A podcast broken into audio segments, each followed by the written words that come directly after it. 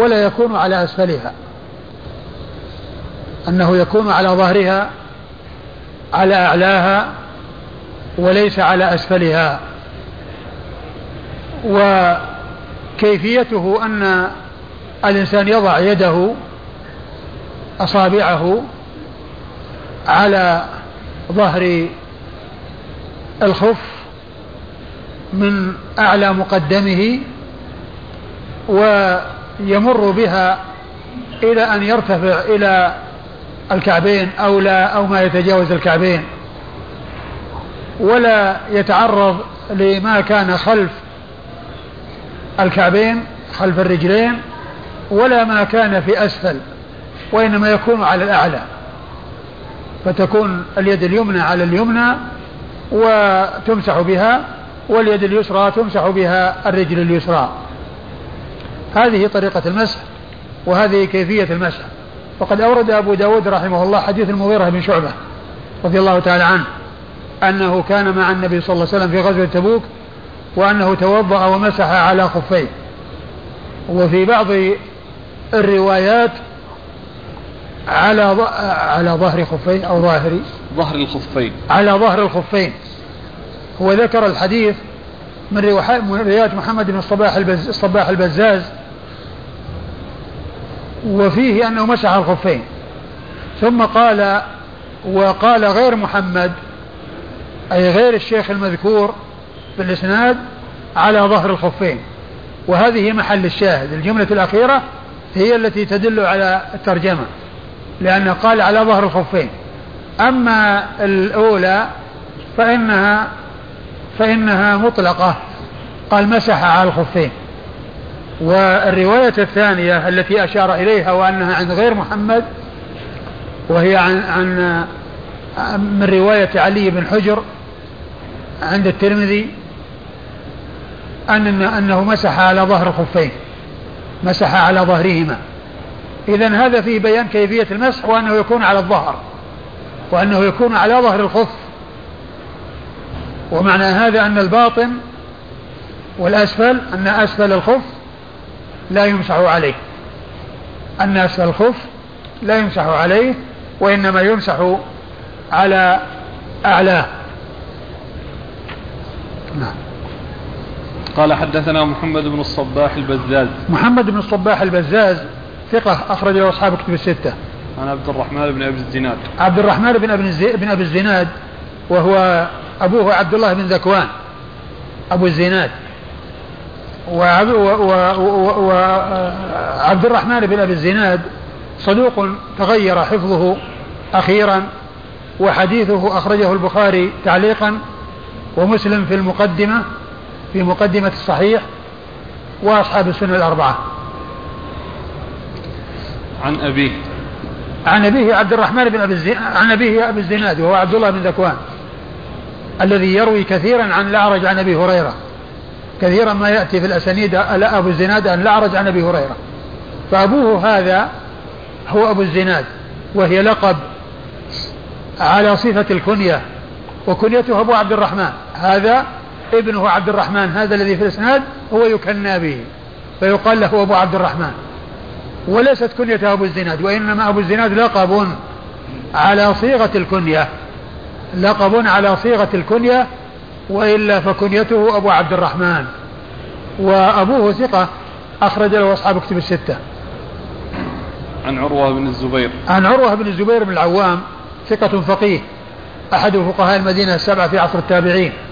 وحديث أخرجه أصحاب كتب الستة. عن المغيرة بن شعبة صاحب رسول الله صلى الله عليه وسلم وحديثه عند أصحاب كتب الستة. شيخ المسح بكلا اليدين في آن واحد من إيش؟ المسح. يكون بكلا اليدين في آن واحد. كله يصح. يعني إن بدأ بهذه وفرغ منها ثم صار بهذه إن فعل هذا صحيح وإن فعل هذا صحيح.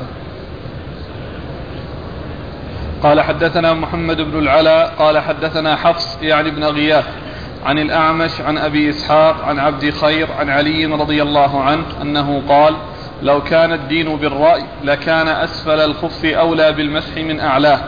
وقد رأيت رسول الله صلى الله عليه وآله وسلم يمسح على ظاهر خفيه. ثم أورد أبو داود رحمه الله هذا الأثر عن علي.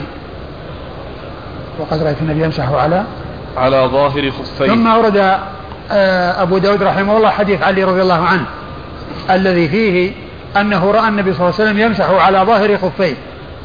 وهذا هو الذي يبين الشاهد للترجمة.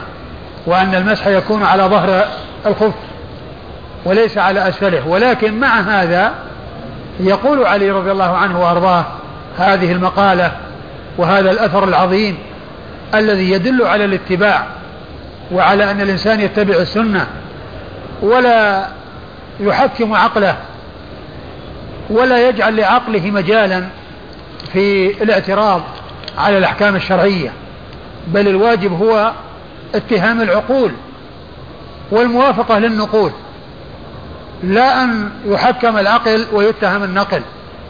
وطريقة أهل السنة والجماعة أنهم يحكمون النقل والعقل السليم لا يعارض النقل الصحيح. والعقل السليم لا يعارض النقل الصحيح. فأهل السنة هذا منهجهم وهذه طريقتهم. أنهم يعولون على النصوص. والعقول عندهم تابعة للنصوص. كما قال بعض أهل العلم أن العقل مع النقل كالعامي المقلد مع العالم المجتهد. مهمته أنه يأخذ بالفتوى. إذا أفتاه العالم المجتهد يأخذ بفتواه. فالعقل عليه أن يتبع الدليل. ولا يعول على العقل ويتهم النقل لأن العقول متفاوتة وليست على حد سواء. وعقل هذا يخالف ما في عقل هذا ورأي هذا يخالف رأي هذا. بل إن الإنسان يكون بين وقت وآخر يختلف رأيه وقد يرى رأيا يعجبه. ثم يرى بعد ذلك أن هذا الرأي الذي أعجبه يتعجب من نفسه كيف رآه. ذهب العجب ذهب العجب ذهب عجبه فيه ورأى وتعجب من نفسه كيف رآه فيما مضى حيث تبين له أن غيره أولى منه. وهذا هو الذي حصل للصحابة رضي الله عنهم وأرضاهم يوم الحديبية لما جاء رسول لما أبرم أو أريد إبرام العقد مع كفار قريش وكان الذي يبرمه عن من جانب الكفار سهيل بن عمرو الذي أسلم بعد ذلك وحسن إسلامه رضي الله عنه وأرضاه. وكان من الشروط أن من جاء مسلما من المسلمين إلى الكفار فإنه لا يرد إليهم. من جاء من المسلمين من ارتد وذهب من المسلمين إلى الكفار فإنه لا يرد إليهم. ومن جاء من الكفار مسلما وأراد أن يلحق بالمسلمين فإنه يرجع ويرد إليهم. فبعض الصحابة رضي الله عنهم وأرضاهم ومنهم عمر ومنهم سهل بن حنيف تأثروا وتألموا وقالوا يا رسول الله كيف نعطي الدنية في ديننا؟ يعني من ذهب منا لا يرجع ومن ذهب منهم يرجع عليهم. والرسول صلى الله عليه وسلم رضي بذلك وقبل. فآراؤهم وعقولهم يعني تبين لهم أن هذا الذي رضي به الرسول أن فيه غضاضة على المسلمين. هذا الشرط الذي من جاء من الكفار رجع عليهم ومن جاء من المسلمين لا يرجع عليهم. ولكن الرسول صلى الله عليه وسلم رضي وذلك أن من ذهب منهم كافرا أبعده الله. ومن جاء من أولئك مسلما ولم يقبل المسلمون سيجعل الله له فرجا. والرسول صلى الله عليه وسلم قبل والصحابة بعضهم تأثر تأثرا عظيما. ولما حصل أن الذين أسلموا وأرادوا أن يلحقوا بالمسلمين ما حصل لهم أن يقبلهم رسول الله صلى الله عليه وسلم بناء على الشرط. ماذا حصل منهم؟ وكان منهم أبو جندل ابن سهيل بن عمرو. وأبو جندل ابن سهيل بن عمرو كان مسلما وكانوا قيدوه بالحديد حتى لا يلحق بالمسلمين. وفي أثناء العقد جاء انطلق بحديده وجاء يجره. فلما وصل إليهم الرسول صلى الله عليه وسلم قال يستثنى هذا. يعني هذا يعني يستثنى بأن من جاء لا يرد. قالوا لا هذا لازم يرجع. فرجع وزاد تأثر الصحابة أيضا. عندما يعني هذا الرجل الذي يجر حديده مسلم يريد أن يلحق بالمسلمين والكفار منعوه وأبوه هو الذي وقع العقد وطلب استثناءه ولم ولم يوافقوا زاد تألمهم وتأثرهم. ثم ماذا كانت النتيجة؟ المسلمون الذين كانوا أسلموا ولا يريدون أن يبقوا مع الكفار في مكة. والرسول صلى الله عليه وسلم لم يقبلهم بناء على الشرط. فما كان منهم إلا أن ذهبوا واجتمعوا وصاروا على ساحل البحر. وكلما مر قافلة من القوافل التي تأتي من الشام لكفار قريش اعترضوها. فقريش نفسها تألمت وتأثرت وطلبت أن الرسول صلى الله عليه وسلم يقبلهم وأن يعني آه، حتى يسلموا من اعتراضهم لعيرهم. فكان في ذلك مصلحة. هذا الذي رضي به الرسول صلى الله عليه وسلم جعل الله لهم فرجا وكانت المصلحة في ذلك للمسلمين لأنه حصل أن جعل الله لهم فرجا فالكفار رجعوا عن شرطهم وطلبوا من النبي صلى الله عليه وسلم أن يقبلهم. ماذا الذي حصل؟ تبين للصحابة رضي الله عنهم وأرضاهم أن الرأي الذي رأوه ما كان على الصواب. فكان سهل بن حنيف رضي الله عنه في صفين. لما كان الناس في صفين وكانت المعركة يعني دائرة بين أهل العراق وأهل الشام فكان أهل العراق أهل الشام أرادوا التحكيم. وقالوا توقف الحرب ويرجعون إلى التحكيم. ويجعلون يختار هؤلاء أناس وهؤلاء أناس ويلتقون وينظرون في الخلاف والذي حصل بين أهل الشام وأهل العراق. فبعض الصحابة ومنهم سهل بن حنيف رضي وأراد أن الحرب تنتهي وكان مع أصحاب علي رضي الله عنه. ولما رأى بعض الناس عندهم رغبة في المواصلة وألا توقف الحرب صار ينصحهم ويقول يا أيها الناس اتهموا الرأي في الدين. يا أيها الناس اتهموا الرأي في الدين.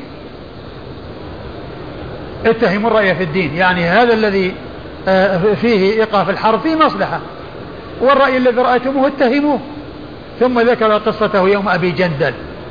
وما حصل لهم يوم عقد الصلح وأنهم رأوا رأيا كان الخير في خلافه الحاصل أن الإنسان الواحد نفسه يرى في وقت رأي وبعد ذلك يرى رأيا آخر يتعجب منه كيف رأى ذلك الرأي لأنه رأى المصلحة في الأخير لا في الأول وإذا كان الأمر كذلك.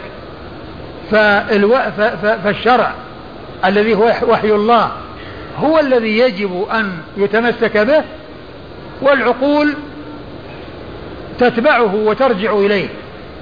ولا تتهم العقول تتهم النقول ويعول على العقول.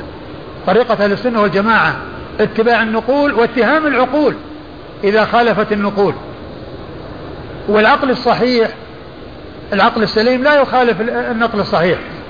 ولشيخ الإسلام ابن تيمية كتاب كبير واسع اسمه درء تعارض العقل والنقل. درء تعارض العقل والنقل.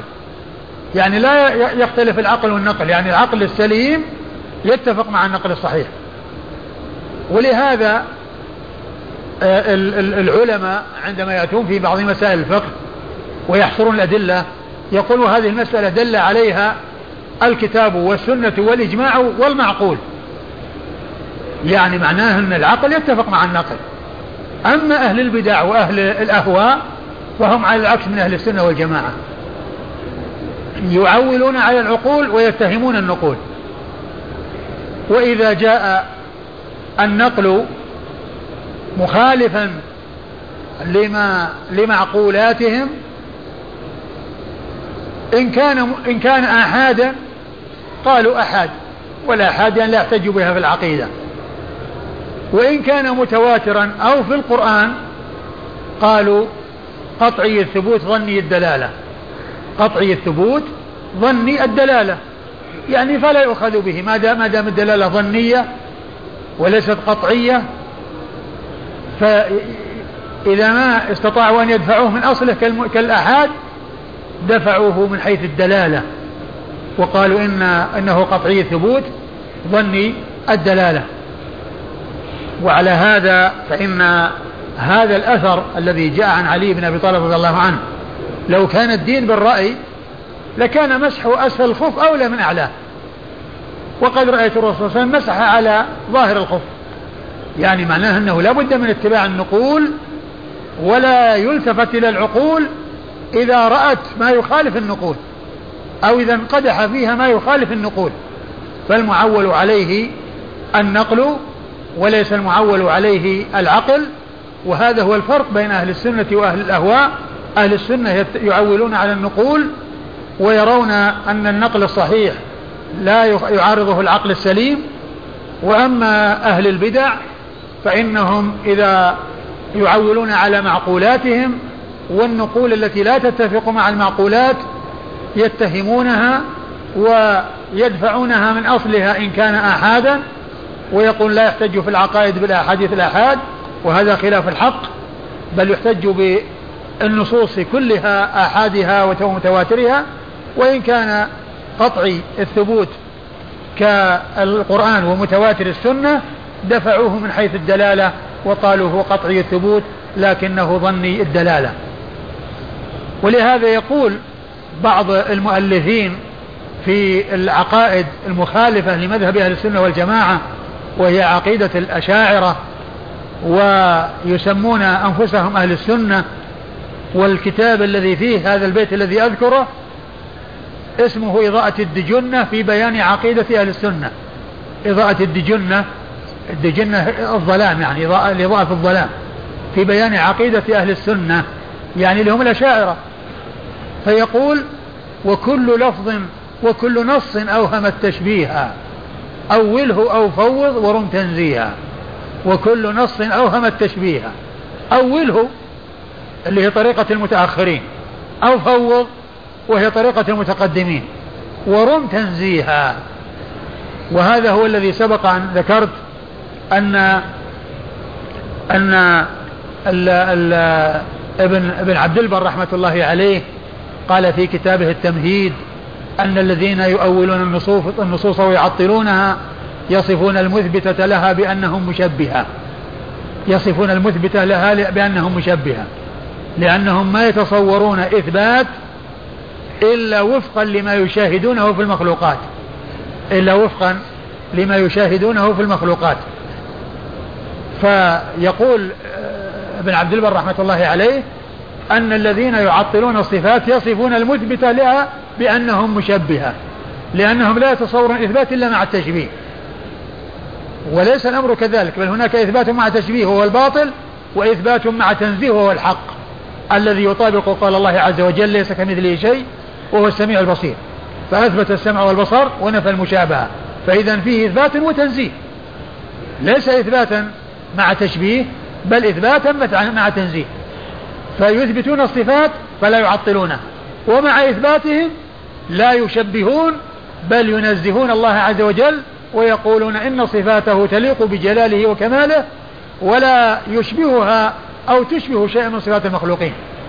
فالله تعالى بصفاته لا يشبه المخلوقين والمخلوقون بصفاتهم لا يشبهون الله عز وجل. فصفات الباري تليق بكماله وجلاله وصفات المخلوق تليق بضعفه وافتقاره ثم إن الذهبي رحمه الله كما سبق أن ذكرت ذلك فيما مضى علق على كلمة ابن عبد البر في كتابه العلو. فقال قلت صدق والله قلت صدق والله يعني ابن عبد البر في قوله إن الذين آه، نعم قال ابن عبد البر بعد أن حكى كلمة هؤلاء قال وهم أي المعطلة عند عند من أقر بها نافون للمعبود. وهم أي المعطلة عند من أقر بالصفات وأثبت الصفات يعتبرون قد نفوا المعبود.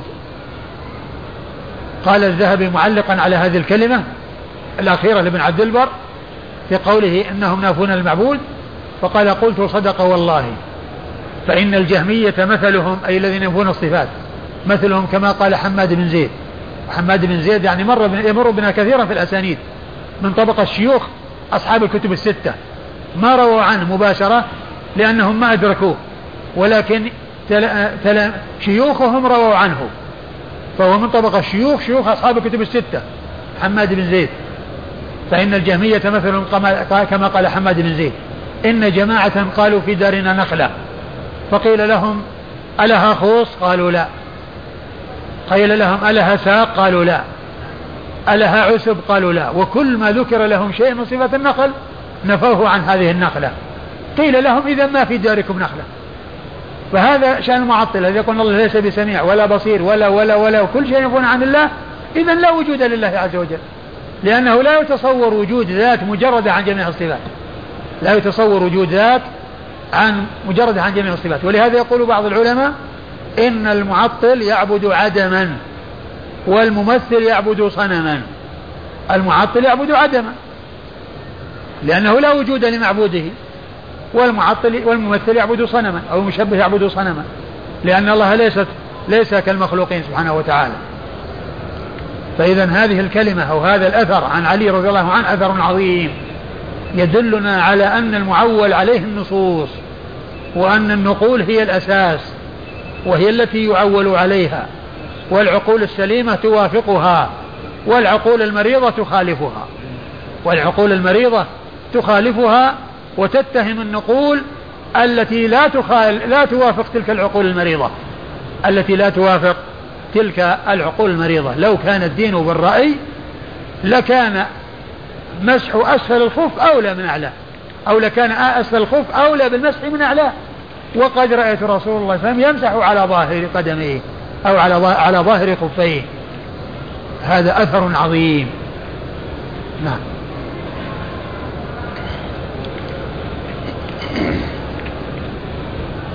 قال حدثنا محمد بن العلاء. حدثنا محمد بن العلاء أبو ابن كريب أبو كريب. محمد بن العلاء ابن كريب أبو كريب. ثقة أخرج له أصحاب كتب الستة. عن حفص يعني بن غياث. عن حفص يعني بن غياث. وهو ثقة أخرج له أصحاب كتب الستة. عن الأعمش. عن الأعمش سليمان بن مهران الكاهلي ثقة أخرج له أصحاب كتب الستة. عن أبي إسحاق. عن أبي إسحاق السبيعي عمرو بن عبد الله الهمداني ثقة أخرج له أصحاب كتب الستة. عن عبد خير. عن عبد خير الهمداني عن عبد خير الهمداني وهو ثقة أخرج حديثه أصحاب السنة الأربعة. عن علي. عن علي أمير المؤمنين ورابع الخلفاء الراشدين الهادين المهديين أبو السبطين صاحب المناقب الجمة والفضائل الكثيرة رضي الله تعالى عنه وأرضاه وحديثه عند أصحاب كتب الستة. قال حدثنا محمد بن رافع قال حدثنا يحيى بن آدم قال حدثنا يزيد بن عبد العزيز عن الأعمش بإسناده بهذا الحديث. قال ما كنت أرى باطن القدمين إلا أحق بالغسل. قال حتى رأيت رسول الله صلى الله عليه وآله وسلم يمسح على ظهر خفيه آه، أورد أبو داود رحمه الله الأثر عن علي من طريق أخرى وبلفظ يعني مقارب من متفق من حيث المعنى يعني يختلف عنه في بعض الألفاظ. قال ما كنت أرى يعني ظاهر الخفين أحق بالمسح من أسفلهما حتى رأيت رسول الله صلى الله عليه وسلم يمسح على ظاهر قدميه.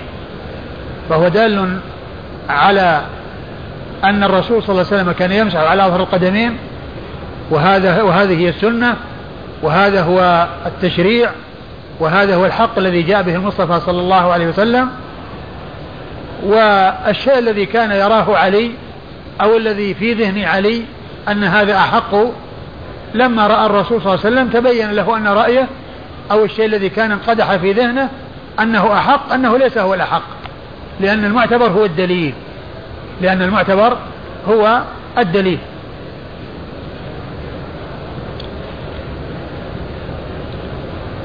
ثم أيضا يعني فيه من ناحية المعنى من جهة أخرى وهي أن مسح أعلى القدم أو أعلى الخف يعني يختلف عن مسح أسفل الخف. لأنه إذا كان لو كان المسح لأسفل الخف يمكن يكون الخف في أسفله نجاسة. والإنسان لا يعلم بها فإذا مسح علقت النجاسة بيده. علقت النجاسة بيده. إذا كان مسح أسفل الخف الذي يباشر الأرض وقد يقع, على النجاسات وما إلى ذلك فكان من الحكمة أن يكون في أعلاه وليس في أسفله. لأن الأسفل فيه يعني شيء من المضرة. وهي احتمال أن يكون فيه نجاسة لمماسته الأرض فإذا مسح بيده وهي مبلولة بالماء علقت النجاسة التي في أسفل الخف في يده فصار في ذلك مضرة وليس فيه فائدة. هذا أيضا من ناحية العقل ومن ناحية المعقول ومن ناحية المعنى أيضا. يعني على أن الأعلى هو هو الأولى. وأن يعني الأسفل لو كان المسح فيه لكان كذا لكن الشريعة جاءت بخلافه. جاءت الشريعة بخلافه. والمسألة فيها خلاف. بعض أهل العلم قال يمسح ظاهر الخف وأسفله. لكن ال الذي تدل عليه النصوص وثبت عن رسول الله صلى الله عليه وسلم هو المسح على ظاهر القدم دون أسفله.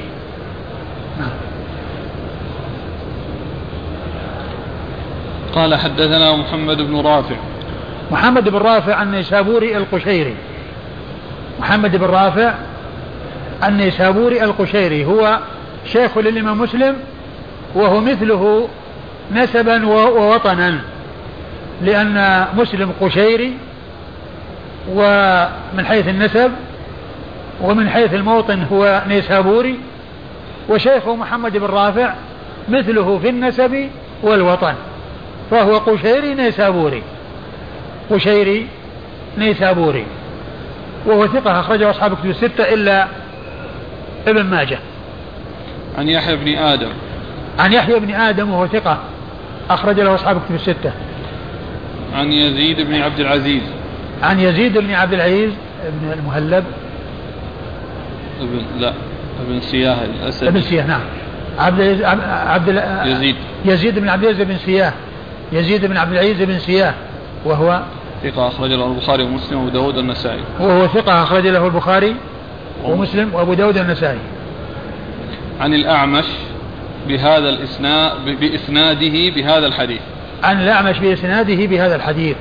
يعني بهذا الإسناد الذي تقدم يعني عن عن أبي إسحاق عن, عن أبي إسحاق عن عبد خير عن علي. ثم قال حدثنا محمد بن العلا قال حدثنا حفص. ابن رياض. حفص بن رياض. يعني بدون ابن عندك مكتوب. حدثنا حفص بن غياث عن الأعمش بهذا الحديث قال لو كان الدين بالرأي لكان باطن القدمين أحق بالمسح من ظاهرهما. وقد مسح النبي صلى الله عليه وآله وسلم على ظهر خفيه.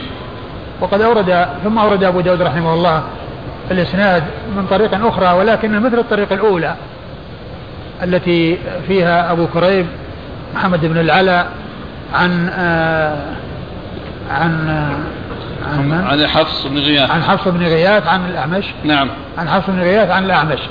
يعني بالإسناد يعني هو مثل الذي قبله إنه يختلف لأنه يختلف عنه في الألفاظ. نعم.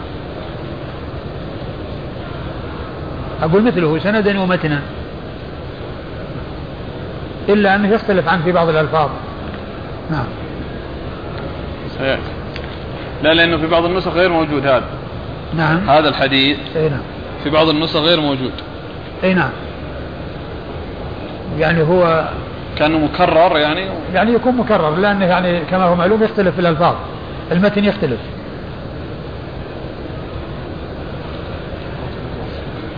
لأن أحيانا أحيانا يكون يعني يكون التكرار في السند مع الاختلاف في المتن. يعني الآن الألفاظ مختلفة. ها؟ الألفاظ مختلفة في المتن بين الأول والأول. لو كان الدين بالرأي لكان أسفل الخف لكان باطن هنا. أي نعم. هناك أسفل الخف باطن القدمين. أحق بالمسح من ظاهرهما. هناك أسفل الخف أولى بالمسح من أعلاه نعم. يعني الألفاظ تختلف. وسبق عندما كنا ندرس البخاري أن يعني أن مر بنا في صحيح البخاري أحاديث يعني متفقة من حيث السند ومن حيث المتن أيضا مع وقد يكون بينها اختلاف. لكن البخاري رحمه الله يوردها في مواضع متعددة من أجل الاستدلال. وكان عندما يأتي بالحديث مرة أخرى للاستدلال به يأتي به من طريق آخر. وأحيانا تضيق به تضيق الطرق عنه فلا يحصله فيضطر إلى أن يعيده بسنده ومتنه لأنه يطابق الترجمة الجديدة التي ذكرها فيحتاج إلى أنه يكرره بسنده ومتنه.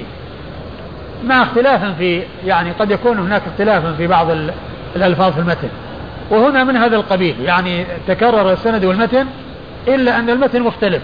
ولكن هذا في ترجمة واحدة وفي باب واحد الذي هو هنا.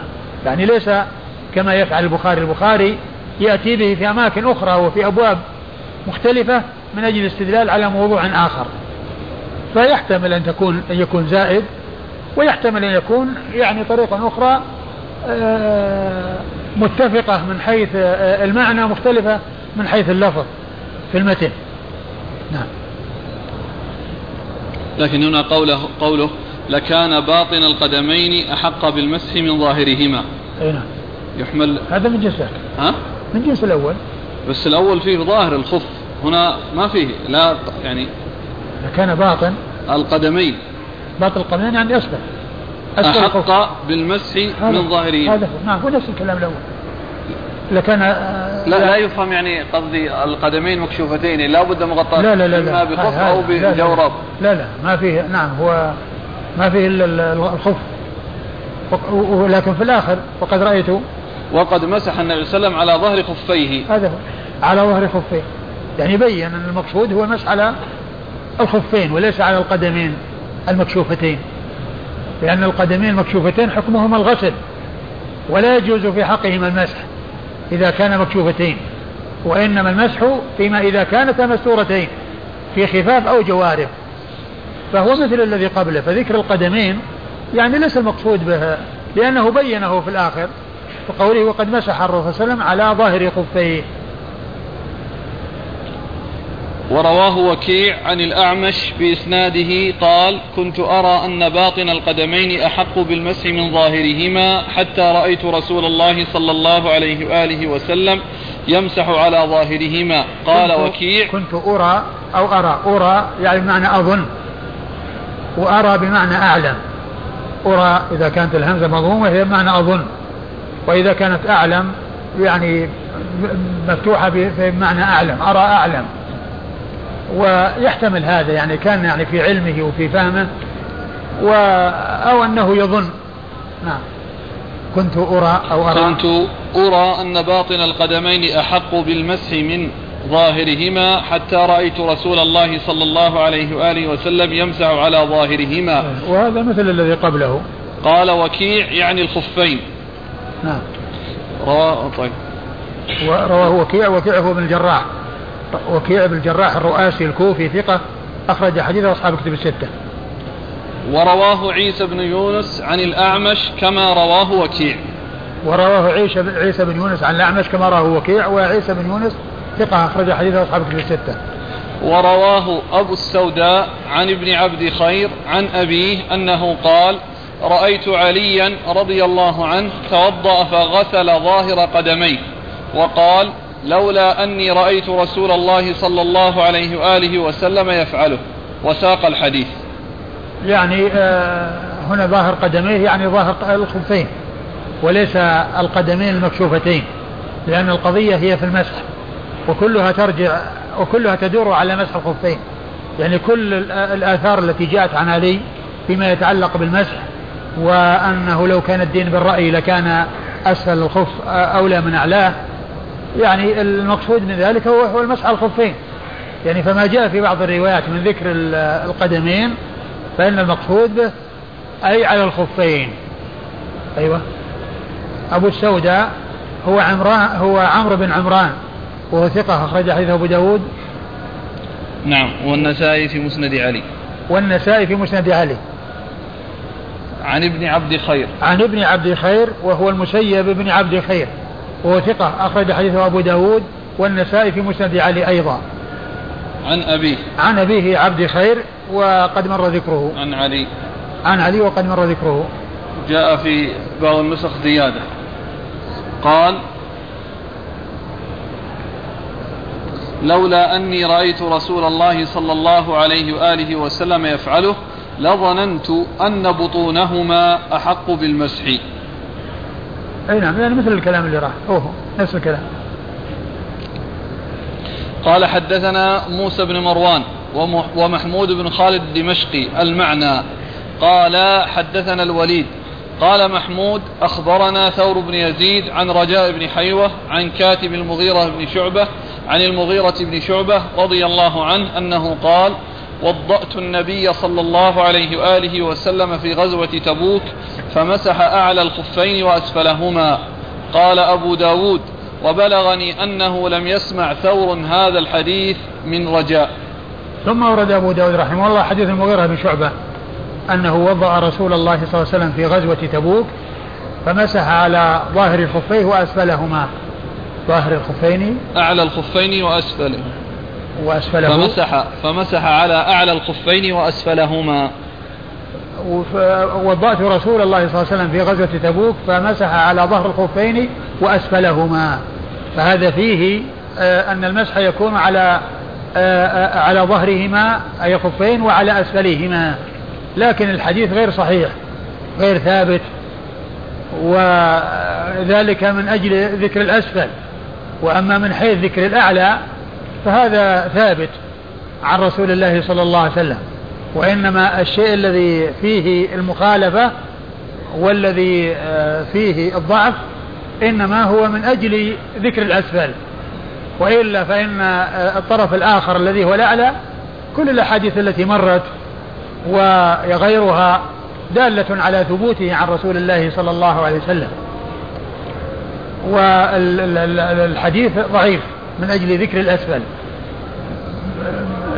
واشتماله على ذكر الأسفل وأما ذكر الأعلى فهذا معروف أنه ثابت والإسناد آه، ذكر فيه علل يعني متعددة. أشار أبو داود رحمه الله إلى واحدة منها. إيش قال في الإسناد؟ قال حدثنا موسى بن مروان. موسى بن مروان مقبول أخرج حديثه. أبو داود والنسائي بن ماجه. أبو داود والنسائي بن ماجه.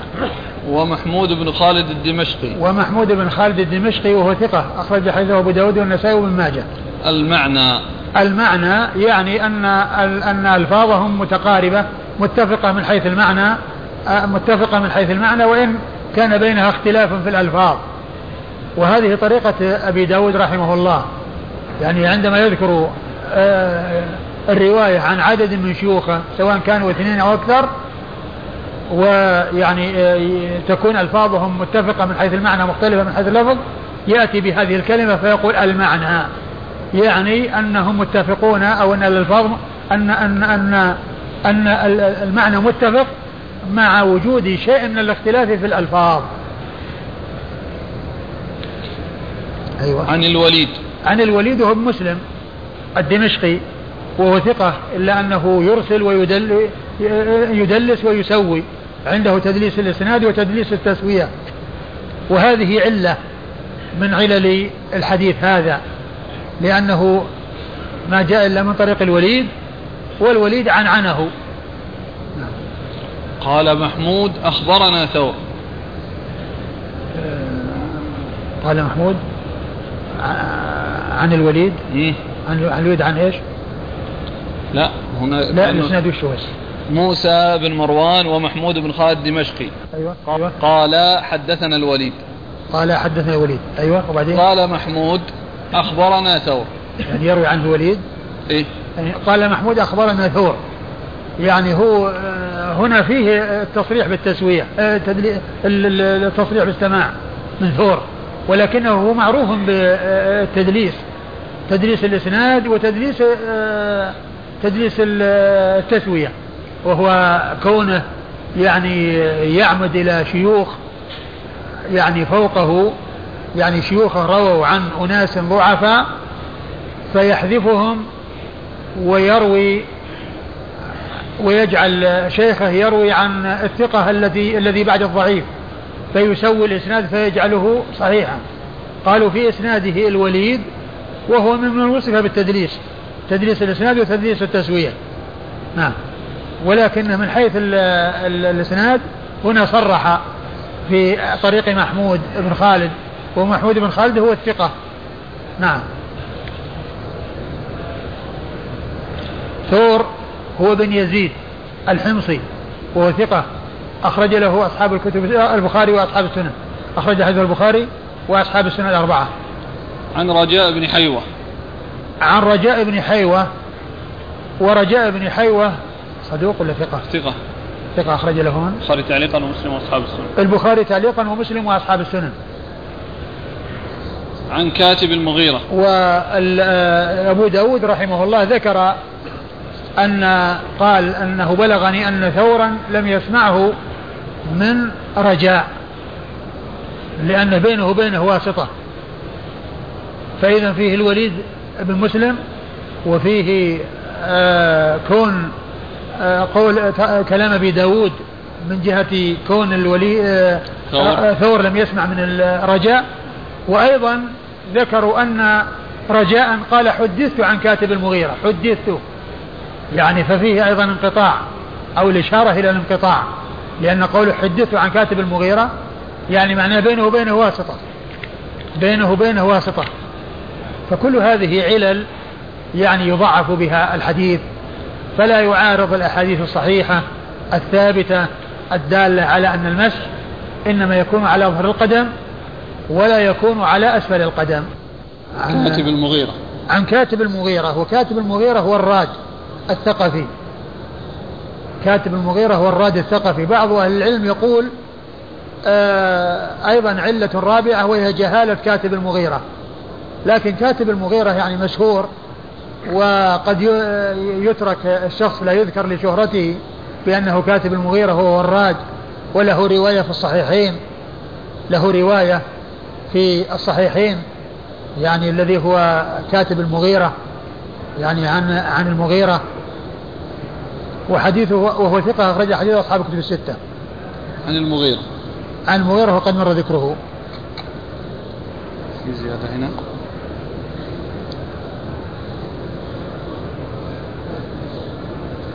في في زياد. نعم. في قبل قبل هذا الحديث نعم. لما قال ورواه أبو السوداء. نعم يعني في بعض النسخ. أي قال ذكر اتصاله وقال حدثناه. في نسخة ابن داسة في نسخة ابن داسة هو موصول. أي. وفي نسخة اللؤلؤي معلق. مم. الموجود معنا في نسخة اللؤلؤي هو معلق لأنه قال رواه أبو السوداء. ولكن في نسخة ابن داسة جاء موصولا.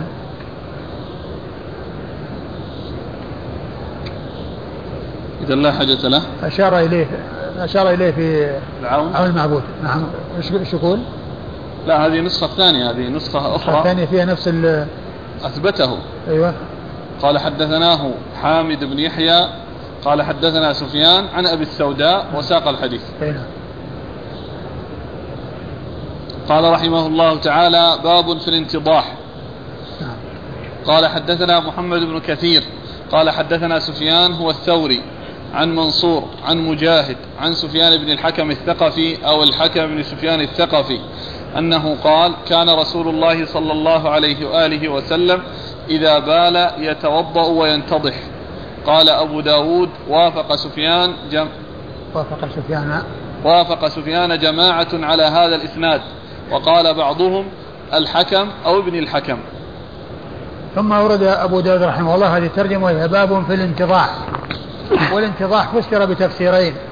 أحدهما أنه الاستنجاء والثاني أنه الرش على الثوب آه، بماء حتى حتى لا يكون هناك مجال للوسواس بما أن يكون ظهر منه شيء فيشوش على نفسه فيكون هذا النضح أو هذه الرطوبة التي في ثوبه تكون دافعة لتشويشه بالوسواس وأن هذا خرج منه. هذا هو المقصود بالانتضاح وهذا هو المشهور وهذا هو المقصود يعني بهذه الترجمة لأن الاستنجاء سبق أن مر يعني له ترجمة وأن الرسول صلى الله عليه وسلم يعني جاء عنه يعني جاء أحاديث في الاستجمار وأحاديث في الاستنجاء وأنه يكون بالحجارة ويكون بالماء وسبق أن مر ذلك. لكن قالوا المقصود بهذا هو المعنى الثاني الذي هو الرش على الثوب أو على السراويل يعني بعد الوضوء حتى لا يجعل سبيلا للوسوسة إلى نفسه فيما كونه يعني قد يشوش عليه الشيطان يقول خرج منك شيء أو ما خرج منك شيء. فإذا كانت الرطوبة موجودة يعني بعد يعني الوضوء فإن ذلك يكون مبعدا للوسواس عن نفسه. هذا هو المقصود بالترجمة في قوله باب في الانتضاح لأن النضح هو الرش. أورد أبو داود رحمه الله حديث الحكم بن سفيان أو سفيان بن الحكم رضي الله عنه أن النبي صلى الله عليه وسلم بال وتوضأ كان إذا بال نعم كان إذا بال يتوضأ وينتضح. كان إذا بال يتوضأ وينتضح. كان إذا بال يتوضأ وينتضح. يعني حتى يعني لا يكون هناك يعني ليبين أو ليشرع للناس أنه إذا فعل شيء من هذا أنه يقطع أثر الوسواس عن نفسه. نعم. قال حدثنا محمد بن كثير. محمد بن كثير العبدي ثقة أخرجه أصحاب الكتب الستة.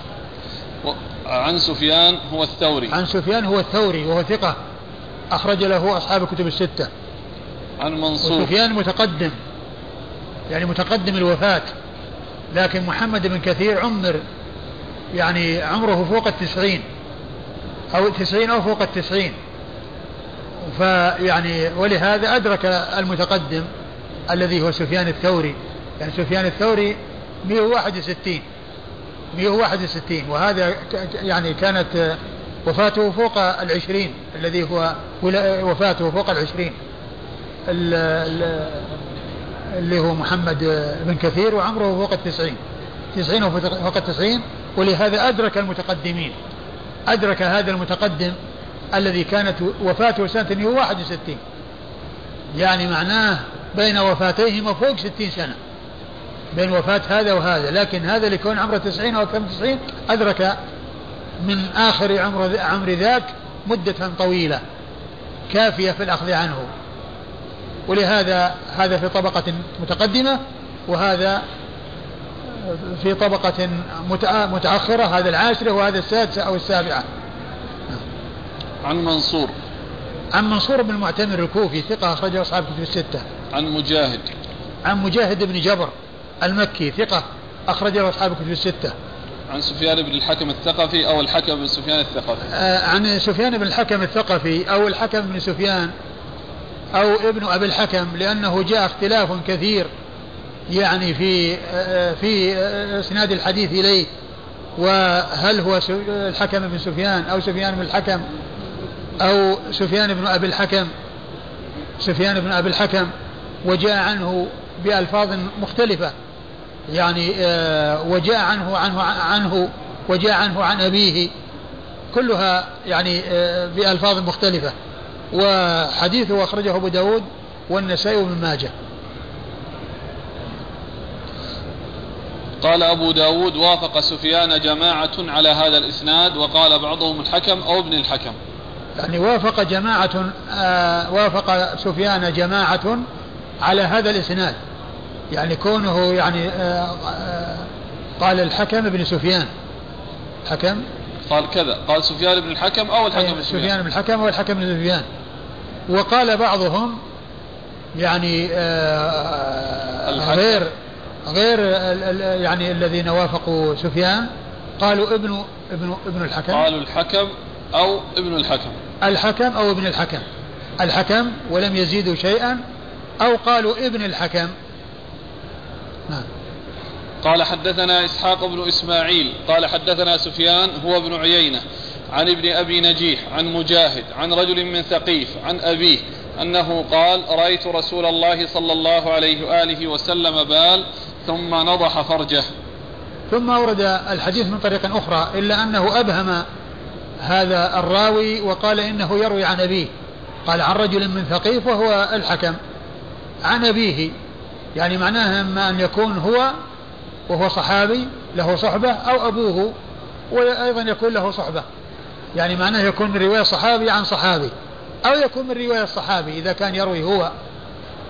فجاء عنه مباشرة يروي عن النبي صلى الله عليه وسلم وجاء عنه عن أبيه.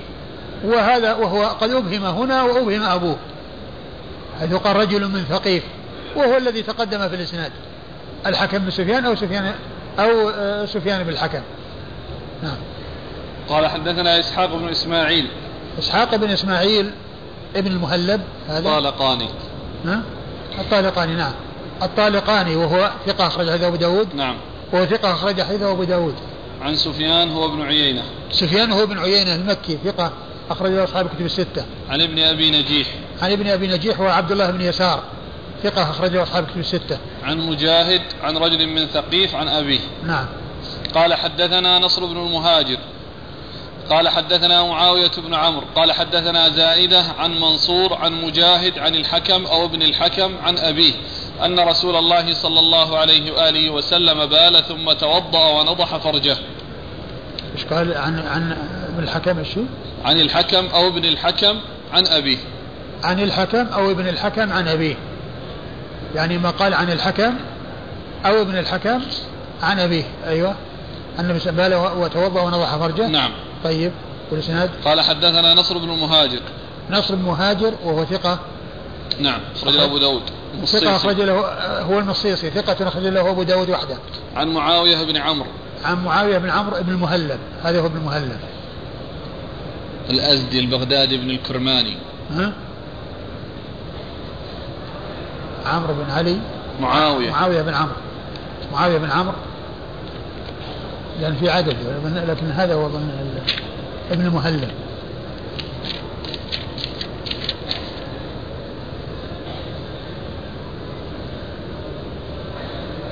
هو؟ نعم ابن المهلب إيه؟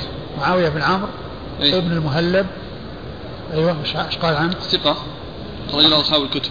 ثقة أخرج له أصحاب الكتب. عن زائدة. عن زائدة بن قدامة ثقة أخرج أصحاب الكتب.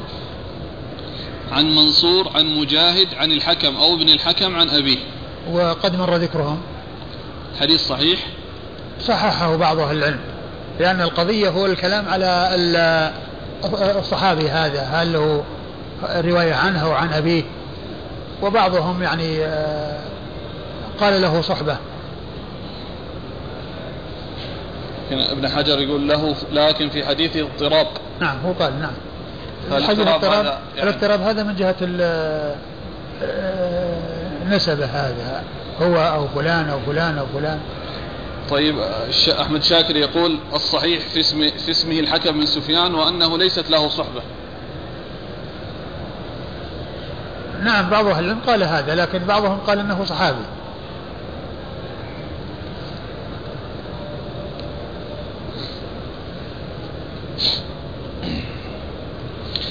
قال رحمه الله تعالى باب ما يقول الرجل إذا توضأ. والله تعالى أعلم وصلى الله وسلم وبارك على عبده ورسوله نبينا محمد وعلى آله وأصحابه أجمعين. يعني في الدرس الماضي كان فيه رجل كنا توقفنا عنده وهو حفص بن عمر أظن. نعم. حفص بن عمر. هو الأمر كما ذكرتم بارك الله فيك. لأنه ذكر يعني هو أول شيوخه نعم. الذي ذكرهم في تهذيب التهذيب. آه، آه، أول شيوخه شعبة. نعم. كما ذكرت. عمر لكن عمر بن حفص. حفص حفص بن عمر بن ابن الحارث الأزدي ابن الحارث نعم. حفص بن عمر بن الحارث. يعني مر في شيوخ النساء شيوخ أبي داود في الدرس الماضي.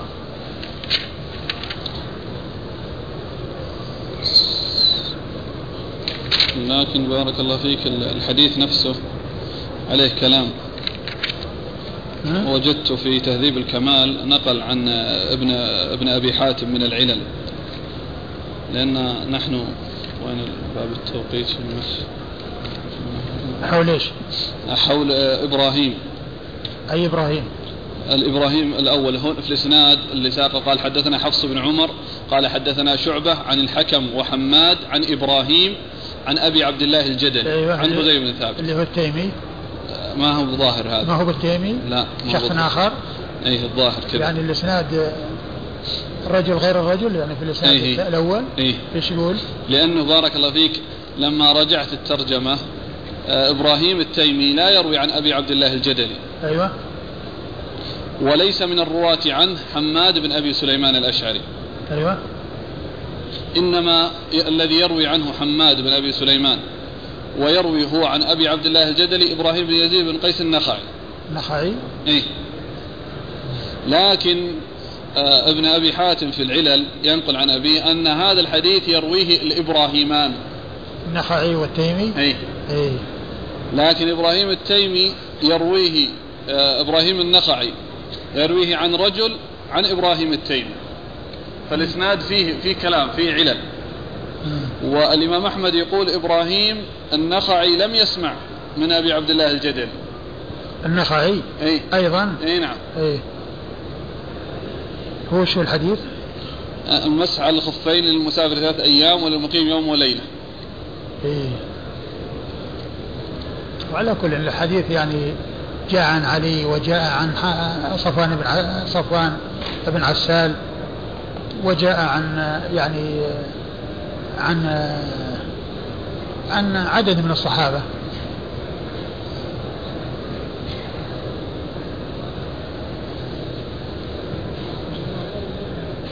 فإيش رأيكم يعني يكون الأول إبراهيم بن يزيد والثاني هو إبراهيم التيمي ولا؟ والله ما أدري يعني أنت يعني في تهذيب الكمال شفت شيوخه؟ اي يعني ما ذكر فيهم؟ إبراهيم التيمي ليس من شيوخه أبي عبد الله الجدلي.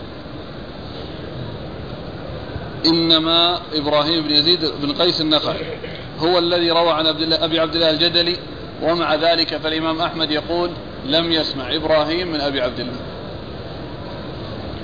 هو الرواية يمكن يروي ولم يسمع إيه؟ لأن الرواية شيء والسمع شيء آخر وحماد بن أبي سليمان ليس من تلاميذ إبراهيم التيمي إنما هو من تلاميذ إبراهيم النخعي كذا في تهذيب يمكن أن يقال لعله لعله إبراهيم النخعي الأول اللي هو مبهم غير مسمى الذي هو مهمل.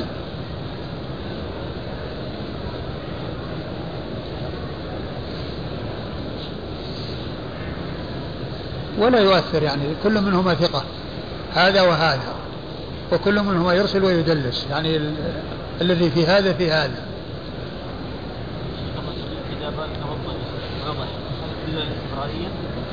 نعم. والله يعني الذي يبدو إنه ما هو هذا إذا كان إنه يعني إنه يخشى. الرسول صلى الله عليه وسلم يشرع للناس. أي نعم. يعني ما يلزم وإنما إذا كان الإنسان يعني عنده يعني شيء من التشوش وكذا يقطع التشوش بهذا جزاكم الله خيرا وبارك الله فيكم ونفعنا الله بما قلتم. يقول السائل إذا أرادت المرأة أن تعتمر واشترطت إن حبسها حابس فمحل فمحلها حيث حبسها.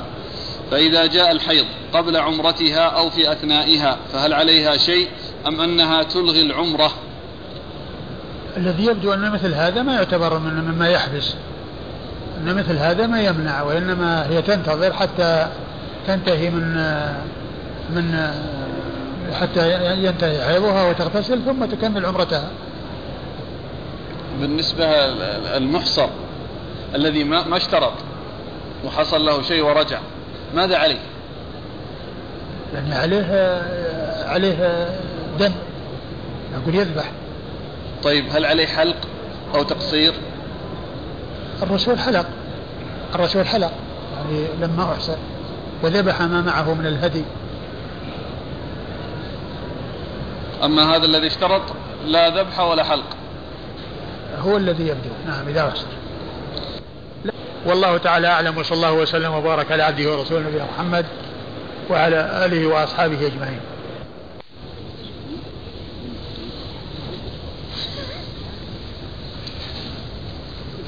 بسم الله الرحمن الرحيم. الحمد لله رب العالمين.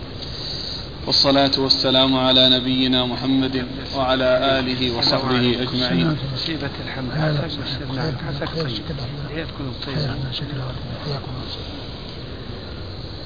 أما بعد قال الإمام أبو داود السجستاني رحمه الله تعالى باب ما يقول الرجل إذا توضأ.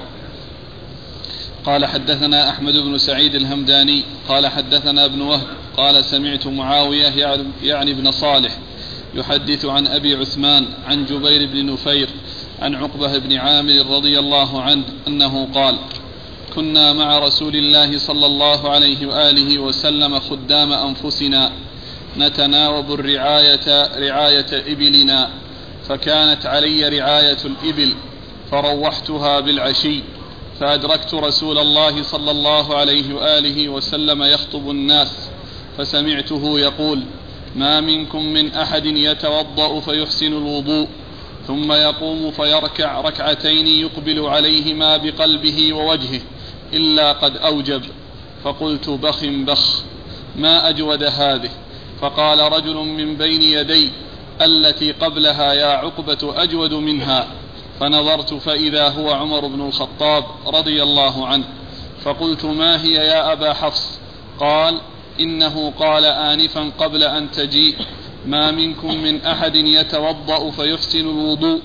ثم يقول حين يفرغ من وضوئه أشهد أن لا إله إلا الله وحده لا شريك له وأشهد أن محمدا عبده ورسوله إلا فتحت له أبواب الجنة الثمانية يدخل من أيها شاء.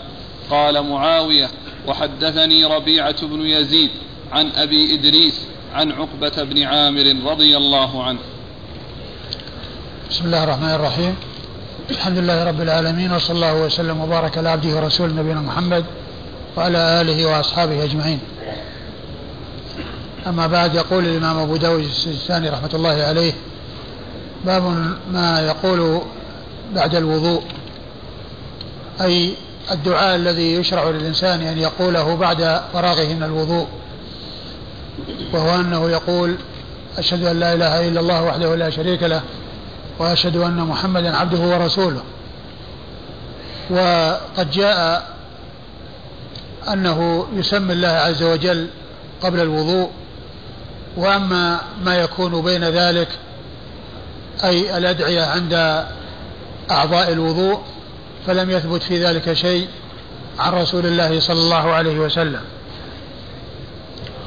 وقد أورد أبو داود حديث عقب حديث عمر بن الخطاب رضي الله تعالى عنه أن النبي عليه الصلاة والسلام قال ما منكم من أحد ما منكم من أحد يتوضأ فيحسن الوضوء ثم يقول أشهد أن لا إله إلا الله وحده لا شريك له وأشهد أن محمدا عبده ورسوله إلا فتحت له أبواب الجنة الثمانية يدخل من أيها شاء.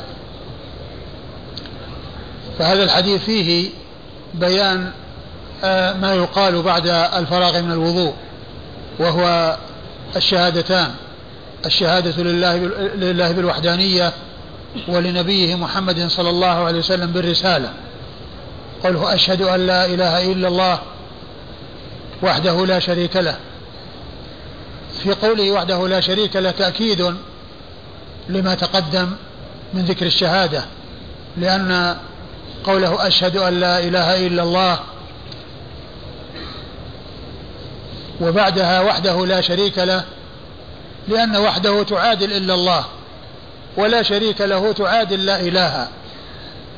فكأن كلمة الإخلاص ذكرت مرتين مرة على سبيل التنصيص عليها ومرة على سبيل تأكيدها بلفظ آخر يؤدي معناها دون موافقة دون الموافقة في اللفظ.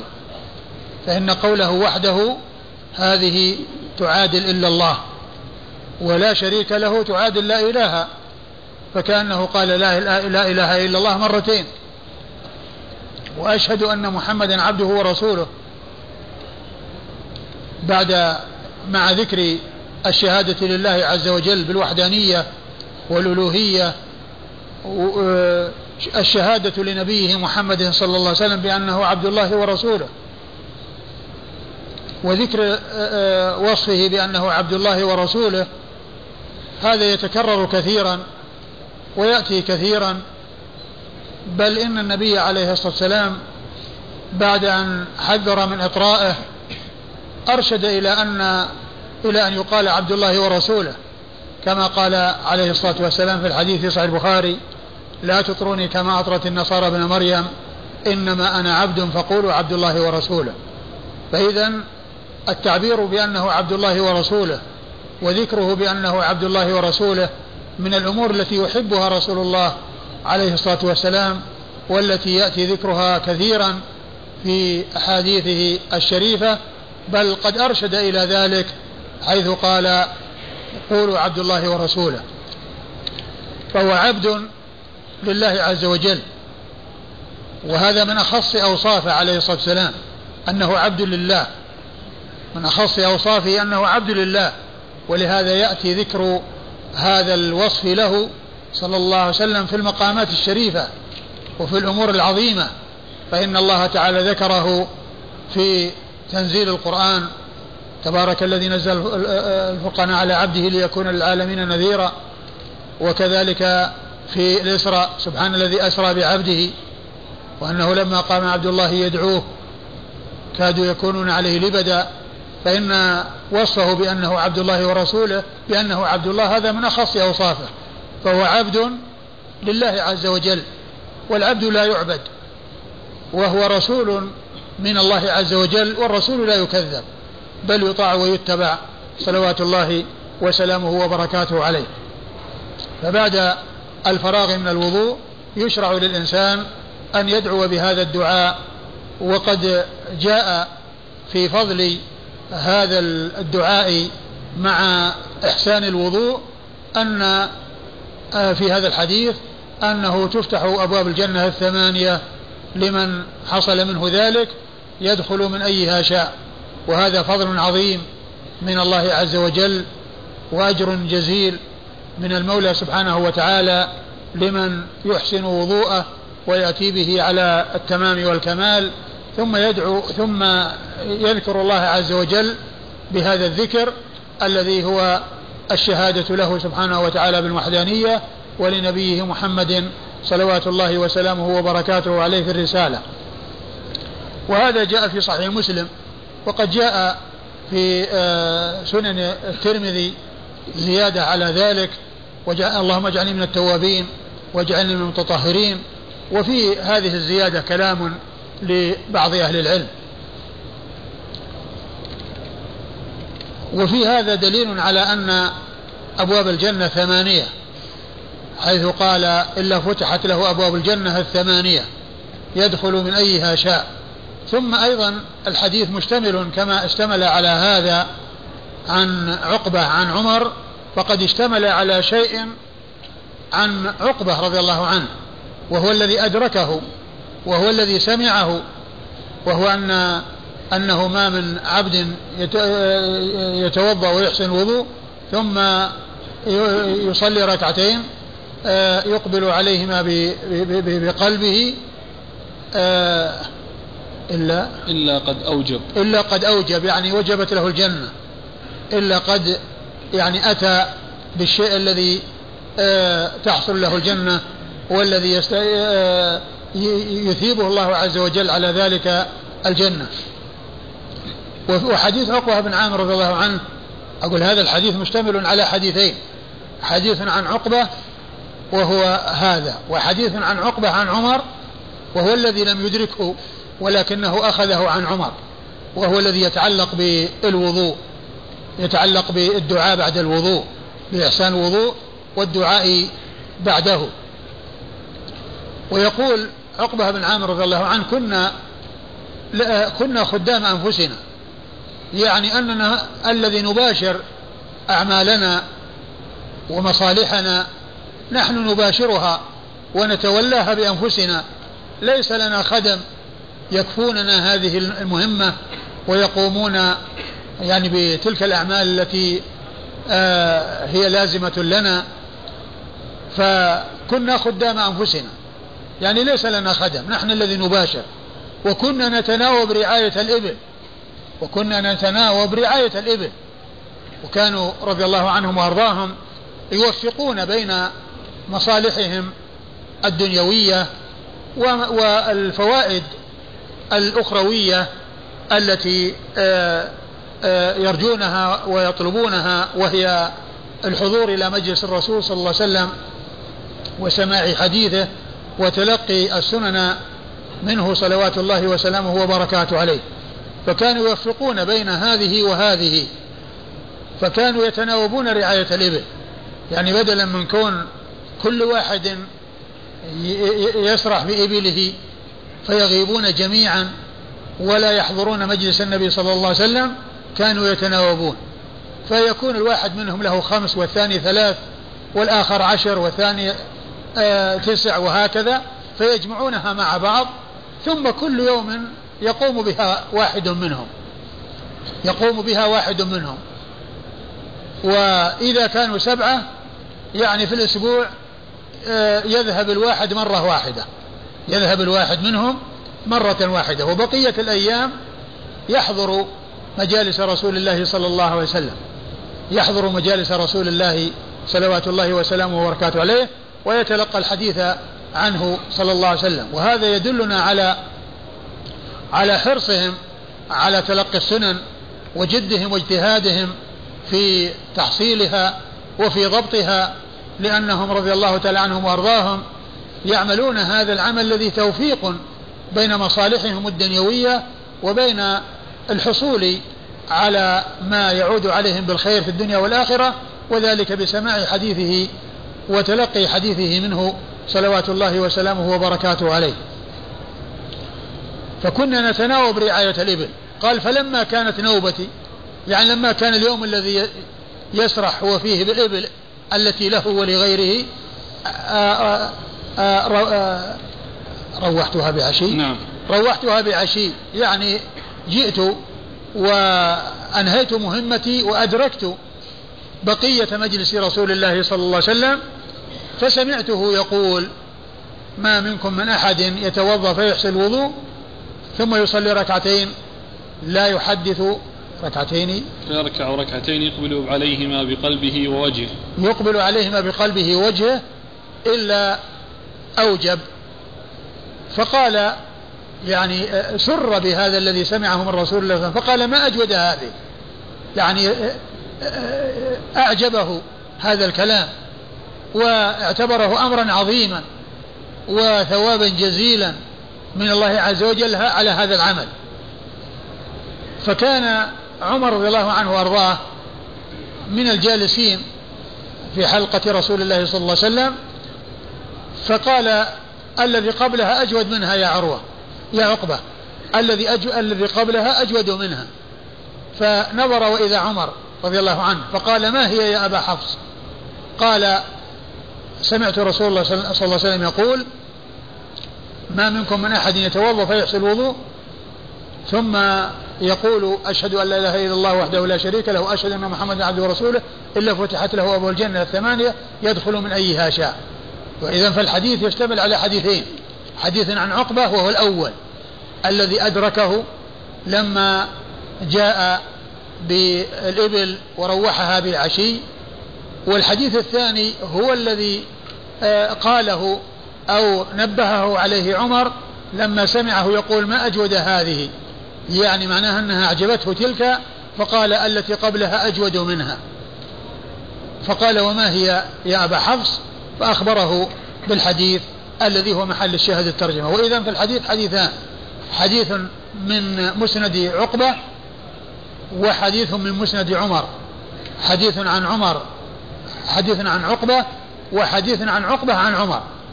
يعني فيه شيء سمعه من رسول الله صلى الله عليه وسلم عقبة بغير واسطة وهو أول وهو الحديث الأول والثاني سمعه من رسول يعني بلغه عن رسول الله صلى الله عليه وسلم بواسطة عمر بن الخطاب رضي الله تعالى عنه.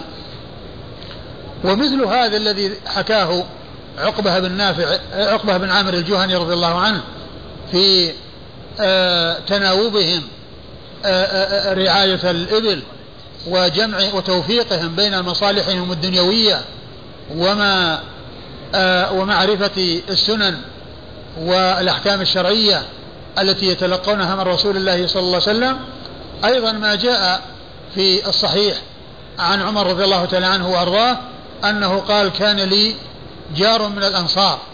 يعني لهم بساتين في في عالية المدينة وكان يتناوب هو وجاره النزول إلى رسول الله صلى الله عليه وسلم. فأحدهما يبقى يعني آه، في آه، بستانه والثاني ينزل للرسول صلى الله عليه وسلم. فإذا جاء أخبره بالذي سمعه من رسول الله عليه الصلاة والسلام. ثم اليوم الثاني ينزل الشخص الذي لم ينزل بالأمس. فكل واحد ينزل في يوم. ويبقى في والذي لم ينزل يبقى في بستانه. ومن حضر مجلس رسول الله صلى الله عليه وسلم أبلغ ذلك الذي بقي في بستانه بالشيء الذي سمعه من رسول الله صلى الله عليه وسلم. وبذلك وفقوا بين مصالحهم الدنيوية وبين اشتغال الواحد منهم في بستانه ومراعاة مصالح مصلحته الدنيوية. وكذلك أيضا تحصيل السنن من رسول الله صلى الله عليه وسلم آه، بنفسه أو بصاحبه الذي آه، آه، ينزل في حال عدم نزول الآخر. وهذا يوضح لنا ويبين لنا عناية أصحاب الرسول صلى الله عليه وسلم بتلقي السنن وحفظها ومعرفتها والحرص على تحصيلها واستيعابها. رضي الله تعالى عنهم وأرضاهم. ولهذا فهم خير الناس وهم أفضل الناس. وكل من استفاد آه، آه، كل من عمل بسنة آه، من سنن رسول الله صلى الله عليه وسلم. جاءت عن طريق صحابي من أصحابه الكرام فإن الله تعالى يثيب كل من عمل بتلك السنة. يثيب من عمل بتلك السنة على عمله بها ويثيب ذلك الصحابي الذي دل على سنة رسول الله صلى الله عليه وسلم والذي حفظ سنة رسول الله صلى الله عليه وسلم يثيبه بمثل ما أثاب ذلك العامل من حين زمن الصحابة وإلى قيام الساعة. قوله عليه الصلاة والسلام آه، من دعا إلى هدى كان له من الأجر مثل أجور من تبعه لا ينقص ذلك من أجورهم شيئا وكذلك من دل على خير فله مثل أجر فاعله رضي الله تعالى عن الصحابة أجمعين. وأما الإسناد؟ قال حدثنا أحمد بن سعيد الهمداني. حدثنا أحمد بن سعيد الهمداني وهو صدوق أخرج حديثه أبو داود وحده. عن ابن وهب. عن ابن وهب عبد الله بن وهب المصري ثقة فقيه أخرج له أصحاب كتب الستة. عن معاوية يعني ابن صالح. عن معاوية يعني ابن صالح وهو صدوق له أوهام. أخرج حديثه البخاري في جزء القراءة ومسلم وأصحاب السنن. عن أبي عثمان. عن أبي عثمان وأبو عثمان هذا قيل هو سعيد بن هانئ وقيل حريز بن عثمان. وإن لم يكن لا هذا ولا هذا فهو مقبول كما قال الحافظ ابن حجر. وحديثه أخرجه مسلم وأبو داود والترمذي والنسائي. مسلم وأبو داود والترمذي وابن ماجه. النسائي مسلم وأبو داود. الترمذي والنسائي. مسلم وأبو داود والترمذي والنسائي. عن جبير بن نفير. عن جبير بن نفير وهو ثقة أخرج حديثه البخاري في جزء القراءة ومسلم وأصحاب السنن. في في الأدب المفرد. أخرج حديث البخاري في الأدب المفرد ومسلم وأصحاب السنن. عن عقبة بن عن عقبة بن عامر الجهني رضي الله عنه صاحب رسول الله صلى الله عليه وسلم وحديثه عند أصحاب الكتب الستة عن عمر بن الخطاب رضي الله تعالى عنه أمير المؤمنين وثاني الخلفاء الراشدين الهاديين المهديين صاحب المناقب الجمة والفضائل الكثيرة رضي الله تعالى عنه وأرضاه وحديثه عند أصحاب الكتب الستة. قال معاوية وحدثني ربيعة بن يزيد عن أبي إدريس الخول عن أبي إدريس عن عقبة بن عامر. وقال, وقال معاوية وحدثني ربيعة بن يزيد عن أبي إدريس الخولاني عن عقبة. عن أبي إدريس الخولاني عن عقبة يعني أن معاوية يعني يرويه من طريق أخرى معاوية بن صالح. يرويه من طريق أخرى وهي عن ربيع ربيعة عن, عن ربيعة بن يزيد عن يزيد ربيعة بن يزيد الدمشقي عن أبي إدريس الخولاني وربيعة بن يزيد الدمشقي ثقة أخرجه أصحاب كتب الستة. وأبو إدريس الخولاني اسمه عائد الله وهو تابعي من كبار التابعين ثقة مشهور أخرج له أصحاب كتب الستة. قال حدثنا الحسين بن عيسى قال حدثنا عبد الله بن يزيد المقرئ عن حيوة وهو ابن شريح عن أبي عقيل عن ابن عمه عن عقبة بن عامر الجهني رضي الله عنه عن النبي صلى الله عليه وآله وسلم نحوه ولم يذكر أمر الرعاية قال عند قوله فأحسن الوضوء ثم رفع بصره إلى السماء فقال وساق الحديث بمعنى حديث معاوية ثم أورد أبو داود رحمه الله آه، الحديث من طريق أخرى. الحديث من طريق أخرى ولكن ليس فيها ذكر مسألة الرعاية والتناوب على رعاية الإبل وإنما فيها آه، سماع الحديث الذي في أحسن الوضوء وزاد فيه ثم رفع بصره إلى السماء ثم رفع بصره إلى السماء إيش بعده؟ فقال وساق الحديث بمعنى حديث معاوية. ثم فقال وساق الحديث بمعنى حديث معاوية الذي تقدم في الإسناد الذي آه، قبل هذا. وال آه، ما سوى رفع البصر إلى السماء يعني يشهد له ما تقدم في الطريقة السابقة. وأما ذكر رفع البصر إلى السماء فهو ما جاء إلا من هذا الطريق ولكنه لم يثبت لأن فيه ابن عم أبو عقيل الذي لم يسمى والإسناد؟ قال حدثنا الحسين بن عيسى. الحسين بن عيسى وهو ثقة صدوق. صدوق أخرج حديثه. البخاري ومسلم وأبو داود والنسائي. صدوق أخرج حديثه البخاري ومسلم وأبو داود والنسائي. عن عبد الله بن يزيد المقرئ. عن عبد الله بن يزيد المقرئ وهو ثقة أخرج له أصحاب كتب الستة. عن حيوة وهو ابن شريح. عن حيوة وهو ابن شريح. وهو المصري وهو ثقة نعم. أخرجه أصحاب الكتب. نعم. وهو ثقة أخرجه أصحاب الكتب الستة. عن أبي عقيل. عن أبي عقيل واسمه آه، زهرة بن زهرة بن معبد. نعم. نعم.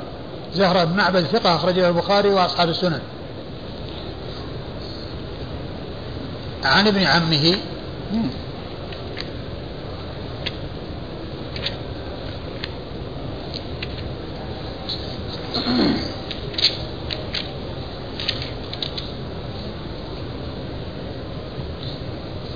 أحسن الله إليك.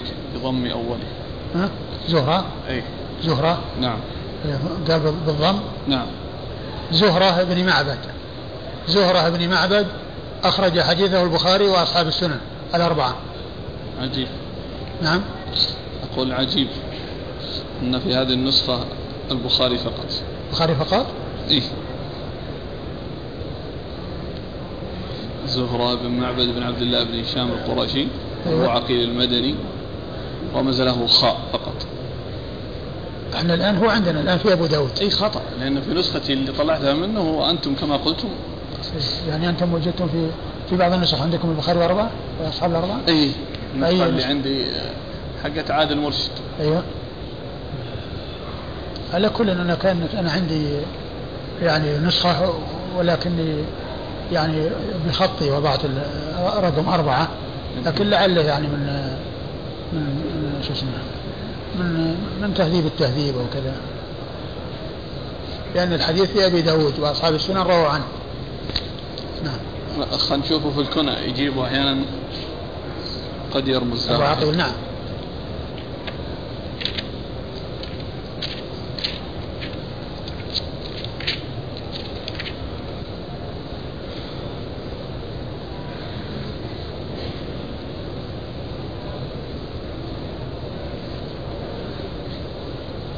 هناك رمز له خاء أربعة.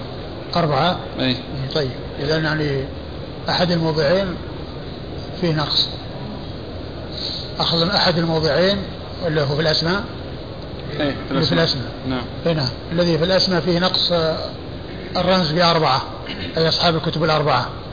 وهو موجود في ذكره في الكنى. عن ابن عمه عن عقبة بن عامر. ابن عمه روى له أبو داود؟ نعم. عن ابن عمه روى له أبو داود وحده وهو لم يسمى فهو غير معروف. أيوة. عن عقبة.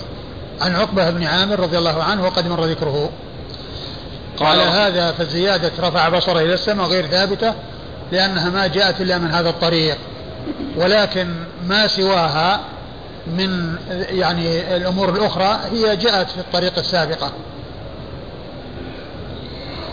قال رحمه الله تعالى باب الرجل يصلي الصلوات بوضوء واحد. قال حدثنا محمد بن عيسى قال حدثنا شريك عن عمرو بن عامر البجلي. قال محمد هو أبو أسد بن عمرو. قال سألت أنس بن مالك رضي الله عنه عن الوضوء فقال كان النبي صلى الله عليه وآله وسلم يتوضأ لكل صلاة وكنا نصلي الصلوات بوضوء واحد. ثم أورد أبو داود رحمه الله باب باب الرجل باب الرجل يصلي الصلوات بوضوء واحد. باب الرجل يصلي الصلوات بوضوء واحد. يعني أنه يصلي عدة صلوات بوضوء واحد. يعني ما لم يحدث. يعني معناه أنه يعني ما دام أنه على وضوئه فيصلي الصلوات ولا يتوضأ لكل صلاة. لا يلزمه أن يتوضأ لكل صلاة. إذا كان ما دام على وضوء وإذا جدد الوضوء فلا بأس بذلك.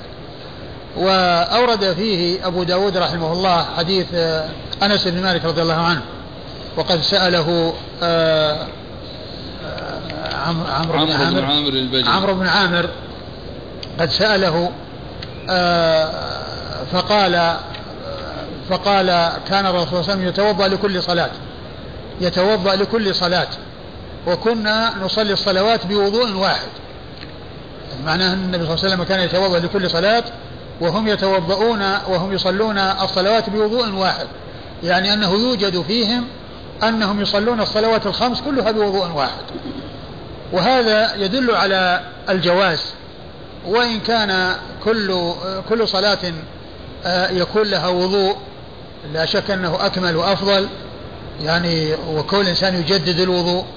يعني هذا شيء طيب ولكن كونه يعني آه يبقى على وضوئه ويصلي الصلوات المتعددة فيه لا بأس بذلك لأنه جاء في هذا الحديث أنهم كانوا يصلون آه، الصلوات بوضوء واحد بل وجاء عن النبي صلى الله عليه وسلم كما سيأتي في الحديث الذي بعد هذا أنه صلى خمس صلوات بوضوء واحد خمسة صلى خمس صلوات بوضوء واحد.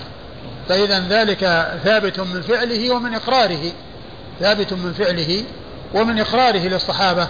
رضي الله تعالى عنهم وأرضاهم. آه نعم.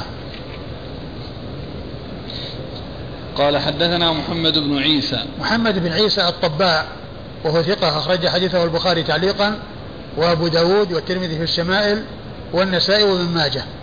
عن شريك. عن شريك وابن عبد الله النخعي الكوفي القاضي صدوق يخطئ كثيرا وحديثه أخرجه البخاري تعليقا ومسلم وأصحاب السنن.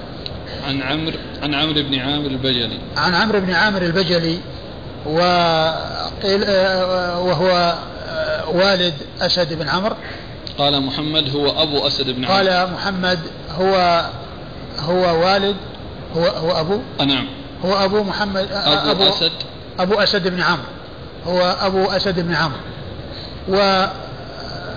وهو بهذا يعني في التقريب رمز له بالتمييز أنه ليس له رواية. يعني البجلي أبو أسد بن عمرو ليس له رواية. وذكر في شخص آخر هو الأنصاري عمرو بن عامر الأنصاري فقال في في ترجمته وقيل البجلي وهو ثقة روى عنه جماعة منهم شريك وروى هو عن أنس بن مالك رضي الله تعالى عنه. وقد جاء في البخاري نفسه من هذا الطريق الذي هو عمرو بن عامر الذي آه الذي هو الأنصاري وهو ثقة أخرج حديثه أصحاب الكتب الستة. وأما هذا الذي هو آه، البجلي فليس له رواية في الكتب الستة بل رمز له بالتمييز. يعني معناه أنه ذكر للتمييز. ذكر للتمييز. وهنا وهنا في الإسناد يعني أبو داود رحمه الله قال إنه هو عمرو بن عامر البجلي وهو وقال محمد ومحمد هو شيخه الذي هو محمد بن عيسى. نعم. نعم. آه هو هو أبو أسد بن عمرو. وجدتم شيء حول هذا غير هذا؟ ترجيح المزي؟ نعم. ترجيح المزي. إيه، إنه شخص آخر. لا إنه هذا الأنصاري وان وأن أبا داود رحمه الله وهم لما قال إنه أبو أسد. أقرأ عليكم. نعم. اولا هذا الحديث في في في الدارمي في الجزء الأول منه. قال أخبرنا محمد بن يوسف عن سفيان عن عمرو بن عامر الأنصاري عن أنس. الحديث.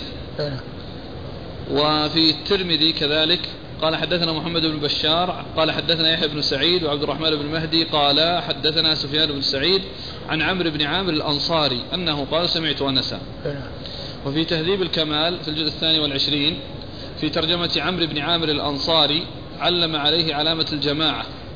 ثم قال ولهم شيخ آخر يقال له عمرو بن عامر والد أسد بن عمرو القاضي صاحب الرأي. ذكرناه للتمييز بينهما.